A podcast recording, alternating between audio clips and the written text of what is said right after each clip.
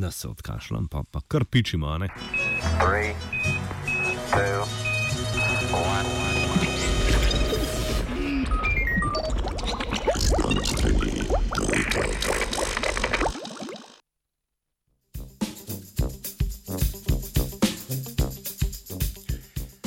Vedeli smo, da bo prišlo do nesreče. Ha, ha, ha, ha, ha. Lahko je biti pameten, ko se je nekaj že zgodilo. Ljudje imamo tendenco, da precenjujemo svoje vedenje za nazaj. Raziskovalke in raziskovalci so se vprašali, kako branju o katastrofi različne informacije vplivajo na pristranskost predvidevanja za nazaj. Pristranskost predvidevanja je napačno prepričanje, da bi izid lahko predvideli potem, ko se je zgodil.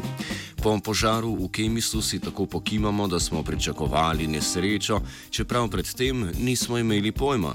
Ljudje želimo razumeti razloge in vzroke ter iščemo temeljitve za dogodke za nazaj. Nekaj podobnega so preverjali v raziskavi, v kateri so udeleženci brali članke iz Wikipedije o eksploziji nuklearnega reaktorja v Fukushimi.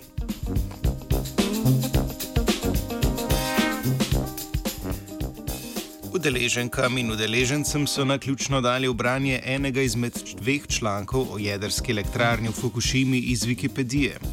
Prvi je bil napisan pred nesrečo, drug pa dopolnjen po nesreči z dodatki o možnih vzrokih in o sami nesreči. Drug članek je napeljeval na predvidljivost in neizogibnost nesreče, o čemer v članku pred nesrečo seveda ni bilo sledi.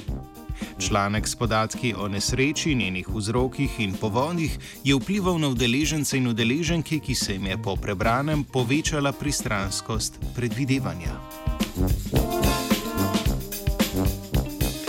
Katastrofe pogosto izzovejo potrebo po informacijah in pojasnilu, zakaj je do tega prišlo, pri čemer pogosto pride do pojasnjevanja za nazaj. Te zgodbe po nas pa nas potem zasedajo v verjetje, zavedejo v verjetje, da bi katastrofično dogajanje lahko predvideli ali se mu celo izognili. Predvidevanje za nazaj je bolj prisotno, če so informacije o dogodku pristranske v smeri istega sklepanja za nazaj. Pomembno vlogo, kako dojemamo dogodke, ima torej tudi pristranska medijska pokritost katastrofe.